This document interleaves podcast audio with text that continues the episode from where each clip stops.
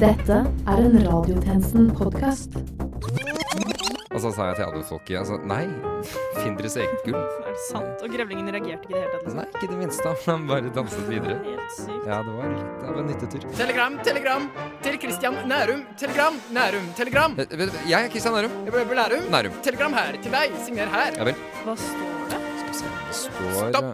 Ikke lag radiosending denne uka. Stopp. Hilsen. Stopp. En frem. Stopp. Ja, det var det, var det hele. Fullt stopp. Uh, OK. Disse haterne, altså. Alltid en pest. Men, men Alltid en plage. sto det noe mer om hvem telegrammet var sendt Det er for sent å bli sikker nå, Benny. Det er allerede krøllet sammen. Og uansett, vi har et radioprogram å Er du, lage. er du sikker? For jeg tror kanskje Det er allerede krøllet sammen! Og så klart er jeg sikker. Let's get the show on the go! Klokken er 12.00, og du lytter til Radiotjenesten.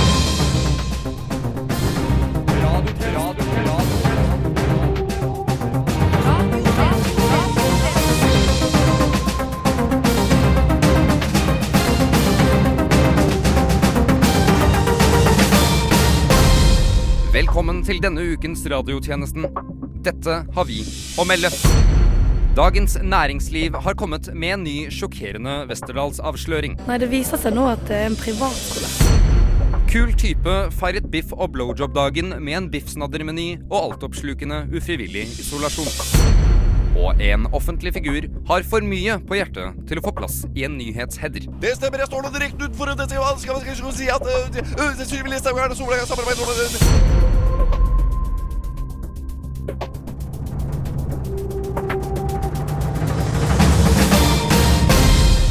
Du lytter til radiotjenesten Din Jon Fosse i offentlighetens grotte. Mitt navn er Christian Arum Og Benedicte Austad. for radiotjenesten. Til neste gang We News.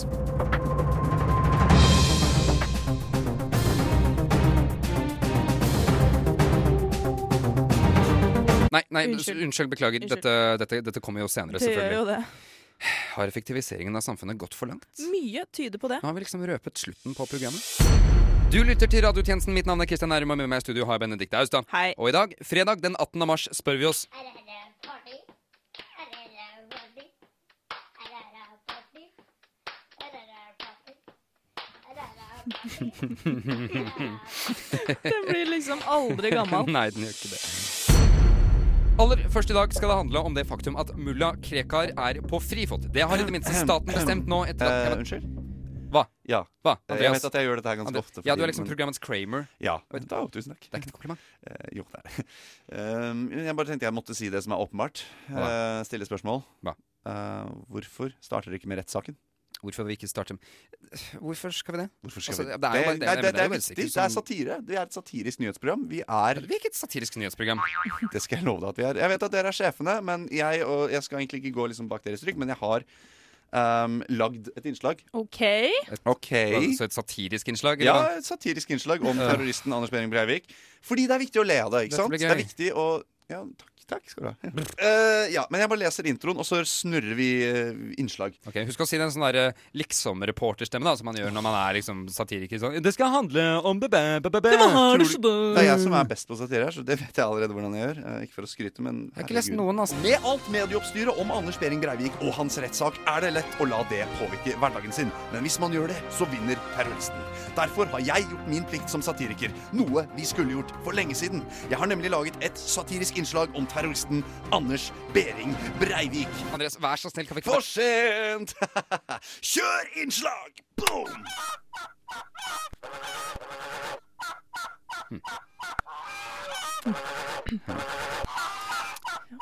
Er det Yes. Faen. Feil innslag, Andreas Moland. Du hadde en, en arbeidsoppgave, Andreas. Du skulle vise dem endelig. Dette var egentlig like greit, Andreas. Er noen av gjestene deg? Nei, hvorfor spør du om det? Gå hjem, Andreas. Ja. Men nå Lave oljepriser. flyktningkrisen. Aper som sakte, men sikkert blir mer intelligente. Bilfritt sentrum. Eksosfullt sentrum. Det finnes mange grunner til å frykte fremtiden. Og dette har du mer om, Benedikte. Ja, for jeg møtte fremtidsforsker Eline Daue tidligere i formiddag. Så aller først i dag, ta en lytt på dette. Det ser altså ikke bra ut i fremtiden, er jeg redd. Dette sier Eline Daue. fremtidsforsker og medmenneske. Den siste tiden har Norge vært preget av lave oljepriser og flyktningkrisen, noe som har ført til at stadig flere nordmenn bekymrer seg for fremtiden. Jeg møter Daue fredag morgen for å prate om hvorvidt bekymringene nordmenn føler er berettiget eller ikke. For hvordan vil framtiden egentlig se ut? En av nordmenns største bekymringer for fremtiden er ifølge ssb.no økonomien. Landets så vel som sin private. Er det grunn til å være bekymret, etter din mening? Ja, altså det ser ikke bra ut for norsk økonomi i fremtiden, er jeg redd. Men altså, du Penger i fremtiden vil være totalt verdiløse, ettersom solen vil brenne ut og alt levende vil dø. Vent, hva? Eline Daue er nådeløs i sine prognoser for norsk økonomis fremtid, og mener dessuten at nordmenn har flere grunner til å være urolige. Hva med barnehageplasser i fremtiden? Undersøkelser viser jo at nordmenn ikke tror at Barnehageplasser, ja. I fremtiden vil det ikke være barnehageplasser. Nei vel? Um, er det fordi dagens barnehageordning er Det vil fysisk ikke finnes barnehageplasser.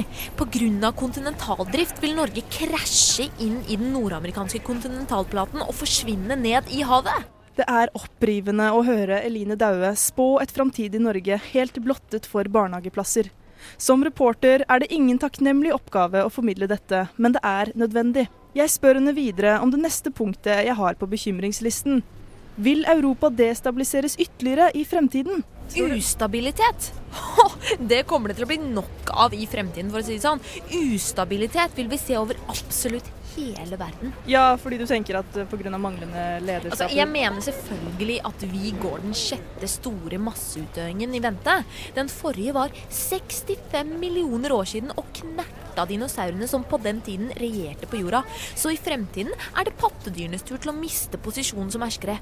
Ustabilitet med stor U, med andre ord. Jeg merker at jeg gradvis mister motet og litt viljen til å leve. For ikke å snakke om viljen til å spørre Daue hva hun tenker om eldreomsorgen i Norge i fremtiden. Ja, det er kanskje ikke noe poeng for meg å spørre om du tror Norge vil være i stand til å håndtere eldrebølgen som kommer, og sikre eldreomsorgen.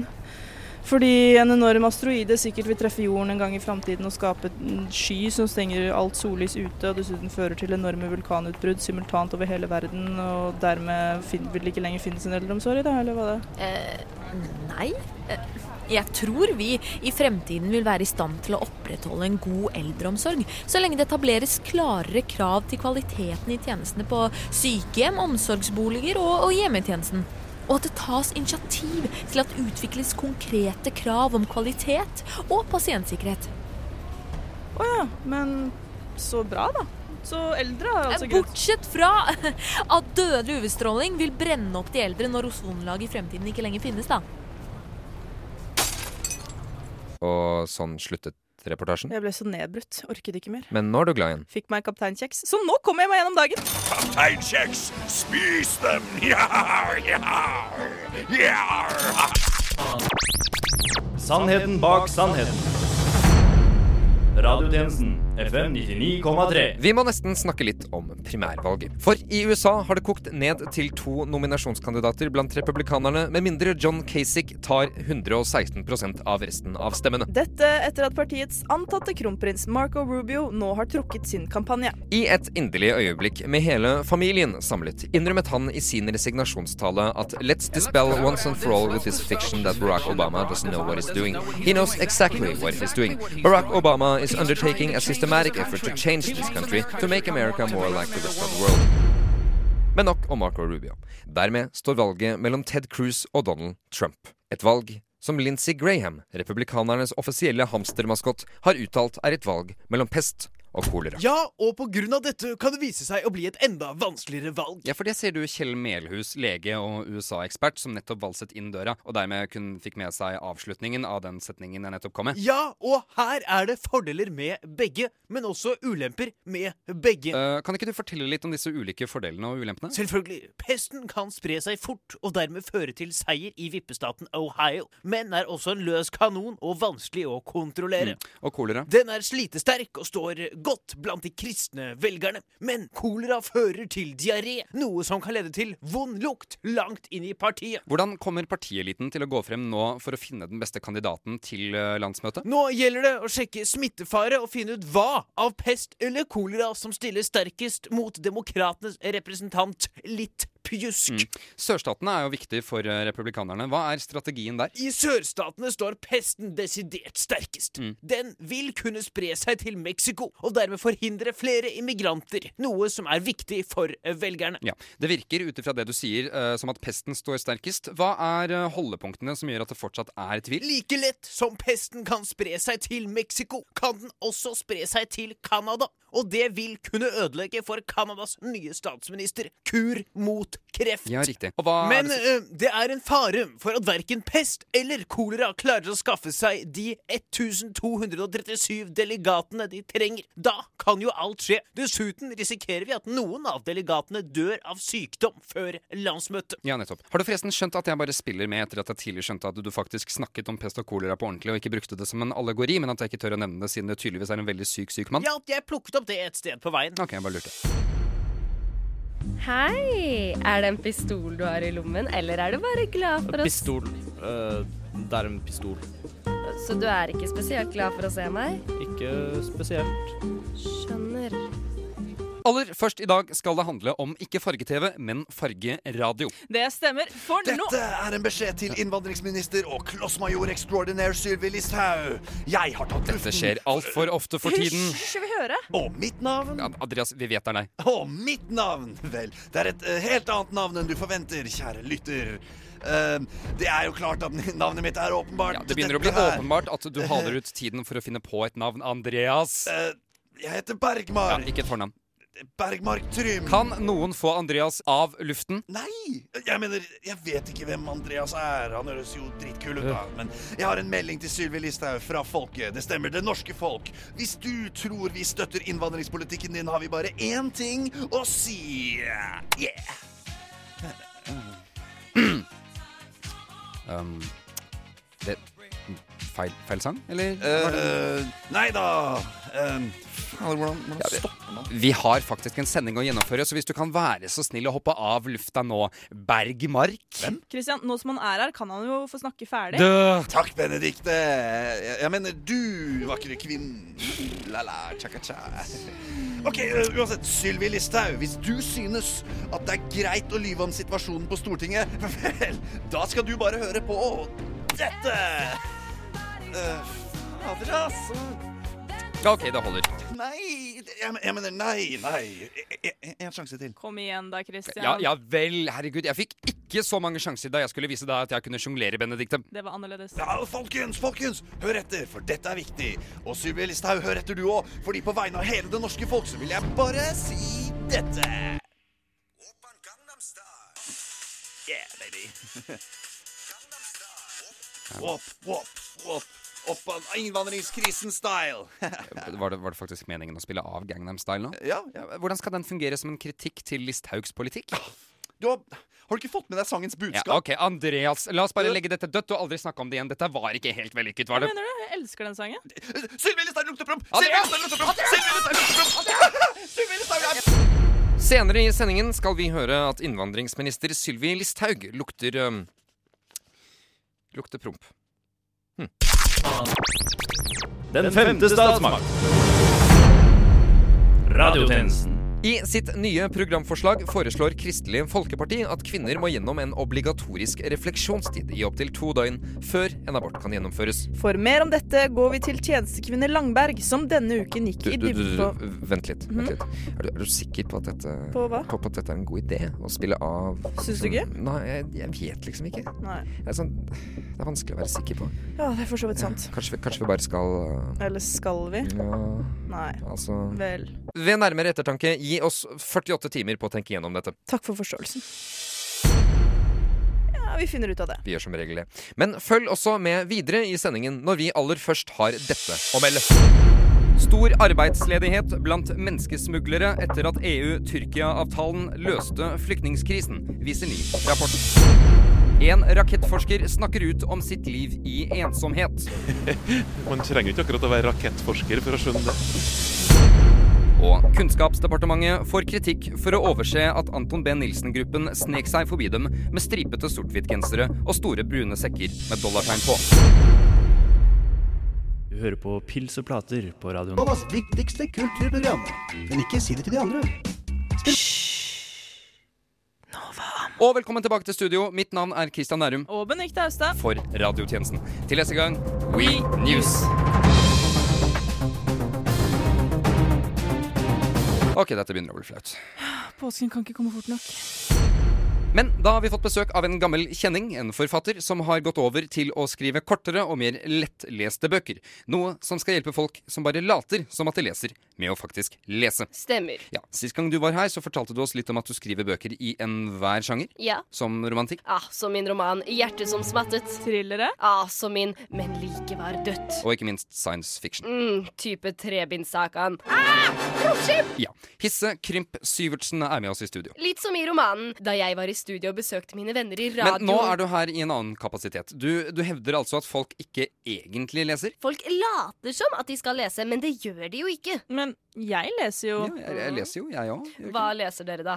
Altså, jeg leser ikke noe akkurat nå, men jeg har jo lest. Hva har dere lest? Um, uh, Piketty. Piketty, ja, den Piketty har vi har vi lest. Jeg har lest, lest. ja. På 1, 2, 3. Den for dummies-versjonen.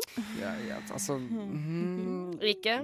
Piketty på 1,5. Ja, kom bare til 1. Nettopp! Den enda kortere utgaven. Folk foretrekker gjerne det, og det er derfor jeg nå kun skriver korte bøker. Ja, veldig korte og lettleste romaner, kan vi kalle dem. I Ja, anle n- noveller, eh, tenker du på? eller? Ellers takk, jeg klarer meg uten avbrytelser. I anledning påska, den rett rundt hjørnet, har jeg skrevet veldig korte romaner av sjangeren krim. Nå kan man altså få hele boka unnagjort i løpet av kortere tid for en mer intens og konsentrert krimopplevelse. Ja vel. For hvem trenger relasjoner til karakterer? Folk vil bare ha en quick fix med krim og mysterier. Da blir det mer tid til brettspill og rødvin med familien etterpå. Et svært etterlengtet behov. Ja, kanskje du har lyst til å lese en av App, app, app, sett dem ned en... og klapp igjen, unge mann. Nå skal jeg lese utdrag. Sitter jo, jeg.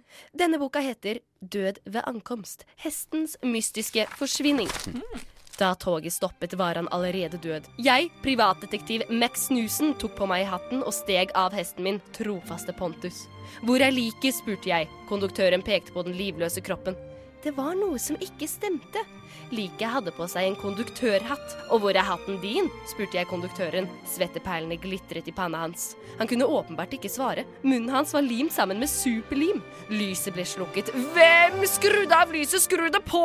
utbrøt jeg. Da lyset kom på igjen, skjønte jeg alt. At jeg hadde vært så dum. Dum som en dummer igjen. Liket var borte, og på bakken var det en cowboyhatt. Jeg kjenner bare én cowboy. Hank McRue. Heldigvis visste jeg hvor han bodde. To dager senere sto jeg utenfor residens McGrew. Ding dong, jeg ringte på. Han hadde nok bestilt pizza, for han åpnet opp med lommeboka klar. Hank McGrew, du er arrestert. Saken løst. Vent litt. Var det hele boka? Fra topp til tå. Men hva med hestens mystiske forsvinning? Det hørte vi ikke noe om, tror jeg. Det er et mysterium til leseren. Folk liker å gruble litt etter en bok. Hisse, var det sånn at du egentlig ikke visste helt hvordan du skulle avslutte denne boka? Benedicte og Christian, var det sånn at dere ikke helt visste hvordan dere skulle avslutte dette intervjuet? Hva? Hæ? Hva? Radiotjenesten FM 99,3. Mandag avslørte Dagens Næringsliv at privatskolen Westerdals mellom 2002 og 2012 krevde 70 millioner mer i skolepenger fra sine studenter enn de hadde lov til. Noe som fikk Magnus Devold, Sigrid Bonde Tusvik, Hasse Hope og alle andre norske komikere under 35 år til å reagere. Noe som endelig har gitt oss svaret på hva slags urettferdighet som må til for at de skal gå ut i offentligheten og reagere. Aller først over til Russland, der en større bjørn nylig Takk til deg, Christian. I forrige uke hadde tjenestemann Herman eller hva det nå er dere kaller dere, et kraftig utbrudd på programmet deres der han gikk til angrep på meg og de andre beboerne i kollektivet sitt. Hvem er du, og hvordan kom du deg inn i studioet vårt? Jeg heter Erlend, jeg bor sammen med Herman, og jeg er en smidig type. Men nok om det, Nærum. Herman løftet harde anklager mot meg og min person. Jeg tror dere har et opptak? Ja, det er vi sikkert, men jeg tror ikke vi bare kan spille det av sånn helt ut. Og sist uke la for eksempel Erlend igjen tre brukte q-tips igjen i sofaen.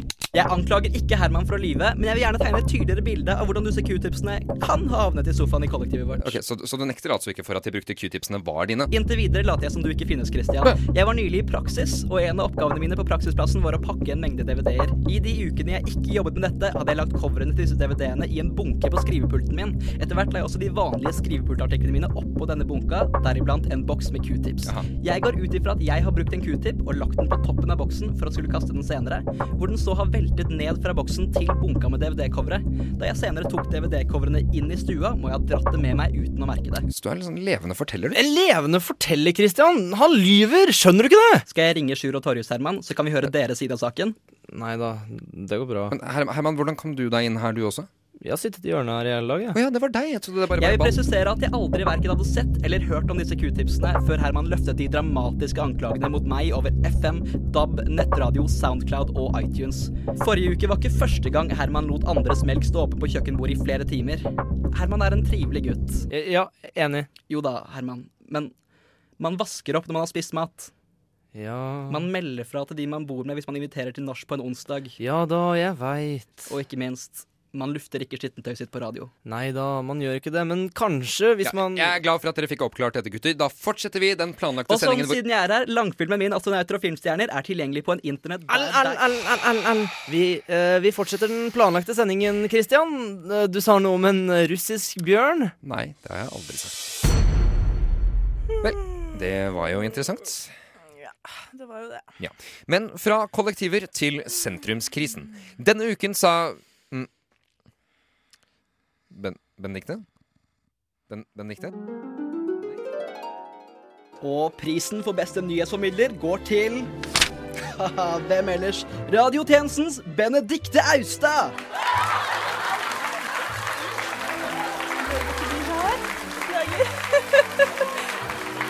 så vant jeg denne prisen igjen for åttende gang på rad.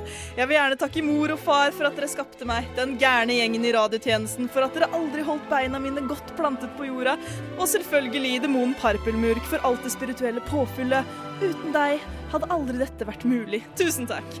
Yeah! Benedikte, du er virkelig fantastisk! Hvordan har det seg at nyheter formidlet til deg plutselig blir poesi? Og hvordan har det seg at du har et nydelig ansikt som lyser en ungdommelig glød, samtidig som dine øyne avslører deg som en vis, gammel dame som bærer hele menneskehetens byrde på dine skuldre? Benedikte, å være i ditt nærvær har gjort meg til en bedre mann på alle måter. Du er mitt forbilde, Benedikte. Du har inspirert meg til å gjøre ting jeg aldri før kunne gjort. For ikke å snakke om at du er mitt forbilde som kvinne, Benedikte! Sterk, vakker, selvstendig, med masse, masse, masse bein i nesa! Er du ikke enig, Christian? Christian har egentlig blitt en mye mer omgjengelig fyr etter at han ble forvandlet til en and. Hvordan klarte du egentlig det, Benedikte? jeg får til det meste, jeg, vet du, Andreas. Benedikte, Benedikte, Benedikte, Benedikte, Benedikte, Benedikte, Benedikte, Benedikte, Benedikte, Benedikte? Benedikte? Benedikte! Vi, vi, vi, skal til, vi skal til konflikten i sentrum. Skal vi? Ja! Øh, herregud. Uh, sorry. Uh, Hvor lenge sov jeg? Cirka tre timer. Det går fint. Men aller først dette. For lenge, lenge siden, i en galakse langt, langt borte, var det sentrumspartiene som tronet i norsk politikk. Men nå går temperaturen i sentrum mot frysepunktet. Frysepunkt og full splid. For da var da, og nå er nå. Kristelig Folkeparti og Senterpartiet mener at Venstre har snudd ryggen til dem, og vil veldig gjerne at Venstre skal få høre det. Økonomi. Politikk. Krig. Fred. Sånn. Venstre er i ferd med å bli ett av de mest distriktfiendtlige partiene i Norge. I, I hvert fall når det gjelder sentralisering, så fungerer de som løpegutta for Høyre og Frp. Dette sier Senterpartipolitiker Marit Arnstad om Venstres fraværende rolle i samarbeid med sentrumspartiene. Sentrum som til vanlig er preget av medmenneskelighet, lav oppslutning og ikke minst samhold. Men for tiden er det virkelig et kaldt, kaldt sted. Det er dårlig stemning blant de tre politiske partiene. Venstres Ole Haug mener på sin side at problemet ikke ligger med dem. Ja, vi i Venstre mener at hvis man skal styrke distriktene fremover, må man reformere både kommunestruktur og andre etater. Du tar jo ikke vare på det du er glad i ved å aldri endre på noe. Men Senterpartiet sier jo at dere er i ferd med å bli et av de mest distriktsfiendtlige partiene i Norge. Og at dere fungerer som løpegutter for den blå-blå regjeringen. Ja, så, så Senterpartiet sier det. Ja, ja vel, ja. ja. Da kan du si til dem at de er i ferd med å bli det mest konservative partiet på Stortinget som ikke vil endre noen strukturer. Det er harde ord Haug kommer med. Imidlertid kjenner Senterpartiets Arnstad seg ikke igjen i kritikken. Nei, altså Vi i Sp mener at vi har mista en alliert i distriktspolitikken. Vi gikk mot forslaget om et nytt inntektssystem i kommunene sammen med KrF, men Venstre har ikke kommet med tilstrekkelig klargjøringer av sitt standpunkt. Jaha? Ja, så det kan du si til dem. Og det gjør jeg også. Nei, men ærlig talt, dette må jo Kristelig Folkeparti ta på sin kappe. De spiller et politisk spill og har jo kommet med usannheter. Har de? Men hva søren? Dette fra Kristelig Folkepartis Ragnar Dahl Rusten. Du, Venstre sa hele tiden at de ville følge oss i sykehusreformen angående akuttkirurgi, men gjorde ikke det på oppløpet. I sak etter sak bidrar de til å skaffe flertall for den blå-blå regjeringens forsøk på å sentralisere. Kan du ikke bare gå og si det til dem? Jeg går tilbake til venstre. Visvas. Så du mener det er feilslått kritikk? Selvfølgelig er det det. Vi i Venstre har alltid stått ved at Senterpartiet mener jo at dere ikke har kommet med et ordentlig standpunkt i saken om nytt inntektssystem i kommunene. Sa de det? Jeg angrer umiddelbart på at jeg åpnet munnen. Venstre sier at uh, dere er i ferd med å bli det mest konservative partiet, og at dere ikke vil endre noen strukturer og Jaså, du kan hilse dem og si at de er i ferd med å bli det feiteste partiet på Stortinget. Jeg går tilbake til venstre. Virkelig? Ja, men Da kan du hilse dem og si at de er at De er teite. Jeg går tilbake til Senterpartiet. Oi, oi, oi! Da kan du si til dem at de er enda mer teite. Jeg går tilbake til venstre. Ja, du kan si til SB at de er super-megateite, og så kan du si til KrF at de er feige og stygge. Jeg runder av her. Det blir rett og slett for mye. Hvorfor kan vi ikke bare være venner, da? Latter. Tårer. Bøker. Dritt. Kultur. Underholdning. Senere i sendingen skal vi høre at en ung student ikke visste hvordan han skulle forholde seg til en person som helt oppriktig ba ham feel the burn i kantinen på Samfunnsvitenskapelig fakultet. Og nå, for første gang siden Fifty Shades of Grey, en filmomtale. I didn't ask to be super, and I'm no hero. I går var jeg og noen venner og så superheltfilmen Deadpool. Deadpool er en film om en superhelt som banker opp folk og banner og snakker om å ha sex. Jeg var forberedt på en heftig opplevelse hver jeg satt i kinosalen med en tønne popkorn på fanget. Men ingenting kunne forberedt meg på det som skjedde videre. Girl.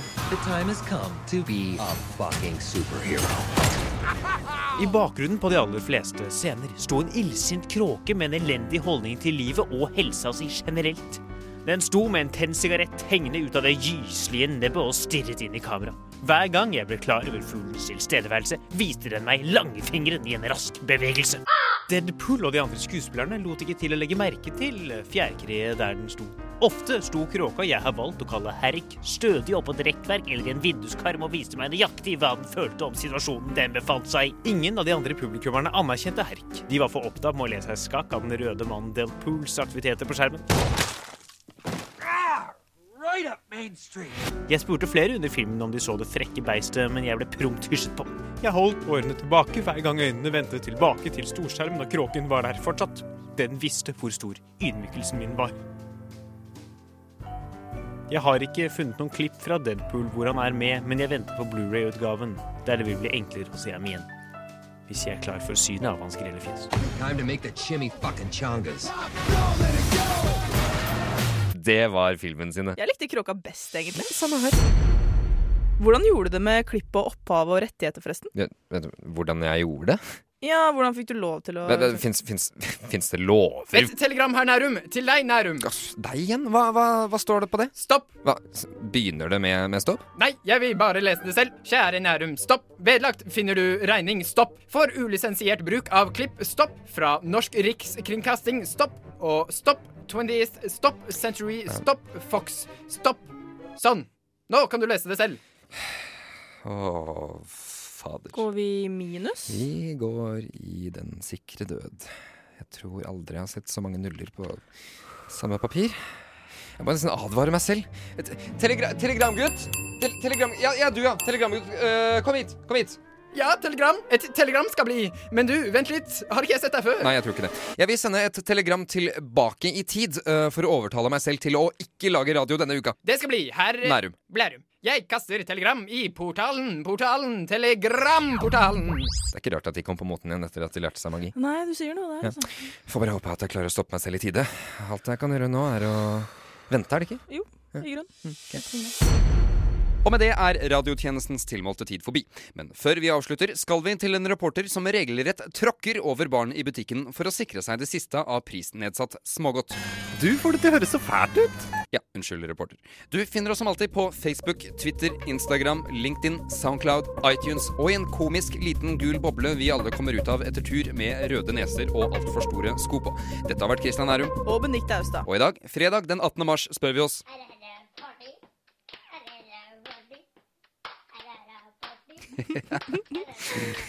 Nei, vent. Dette var gjort før. ja, sant det. Dette har vært Kristian Nærum Og Benedicte Austad. for radiotjenesten. Til neste gang, We News. Og ha en påske.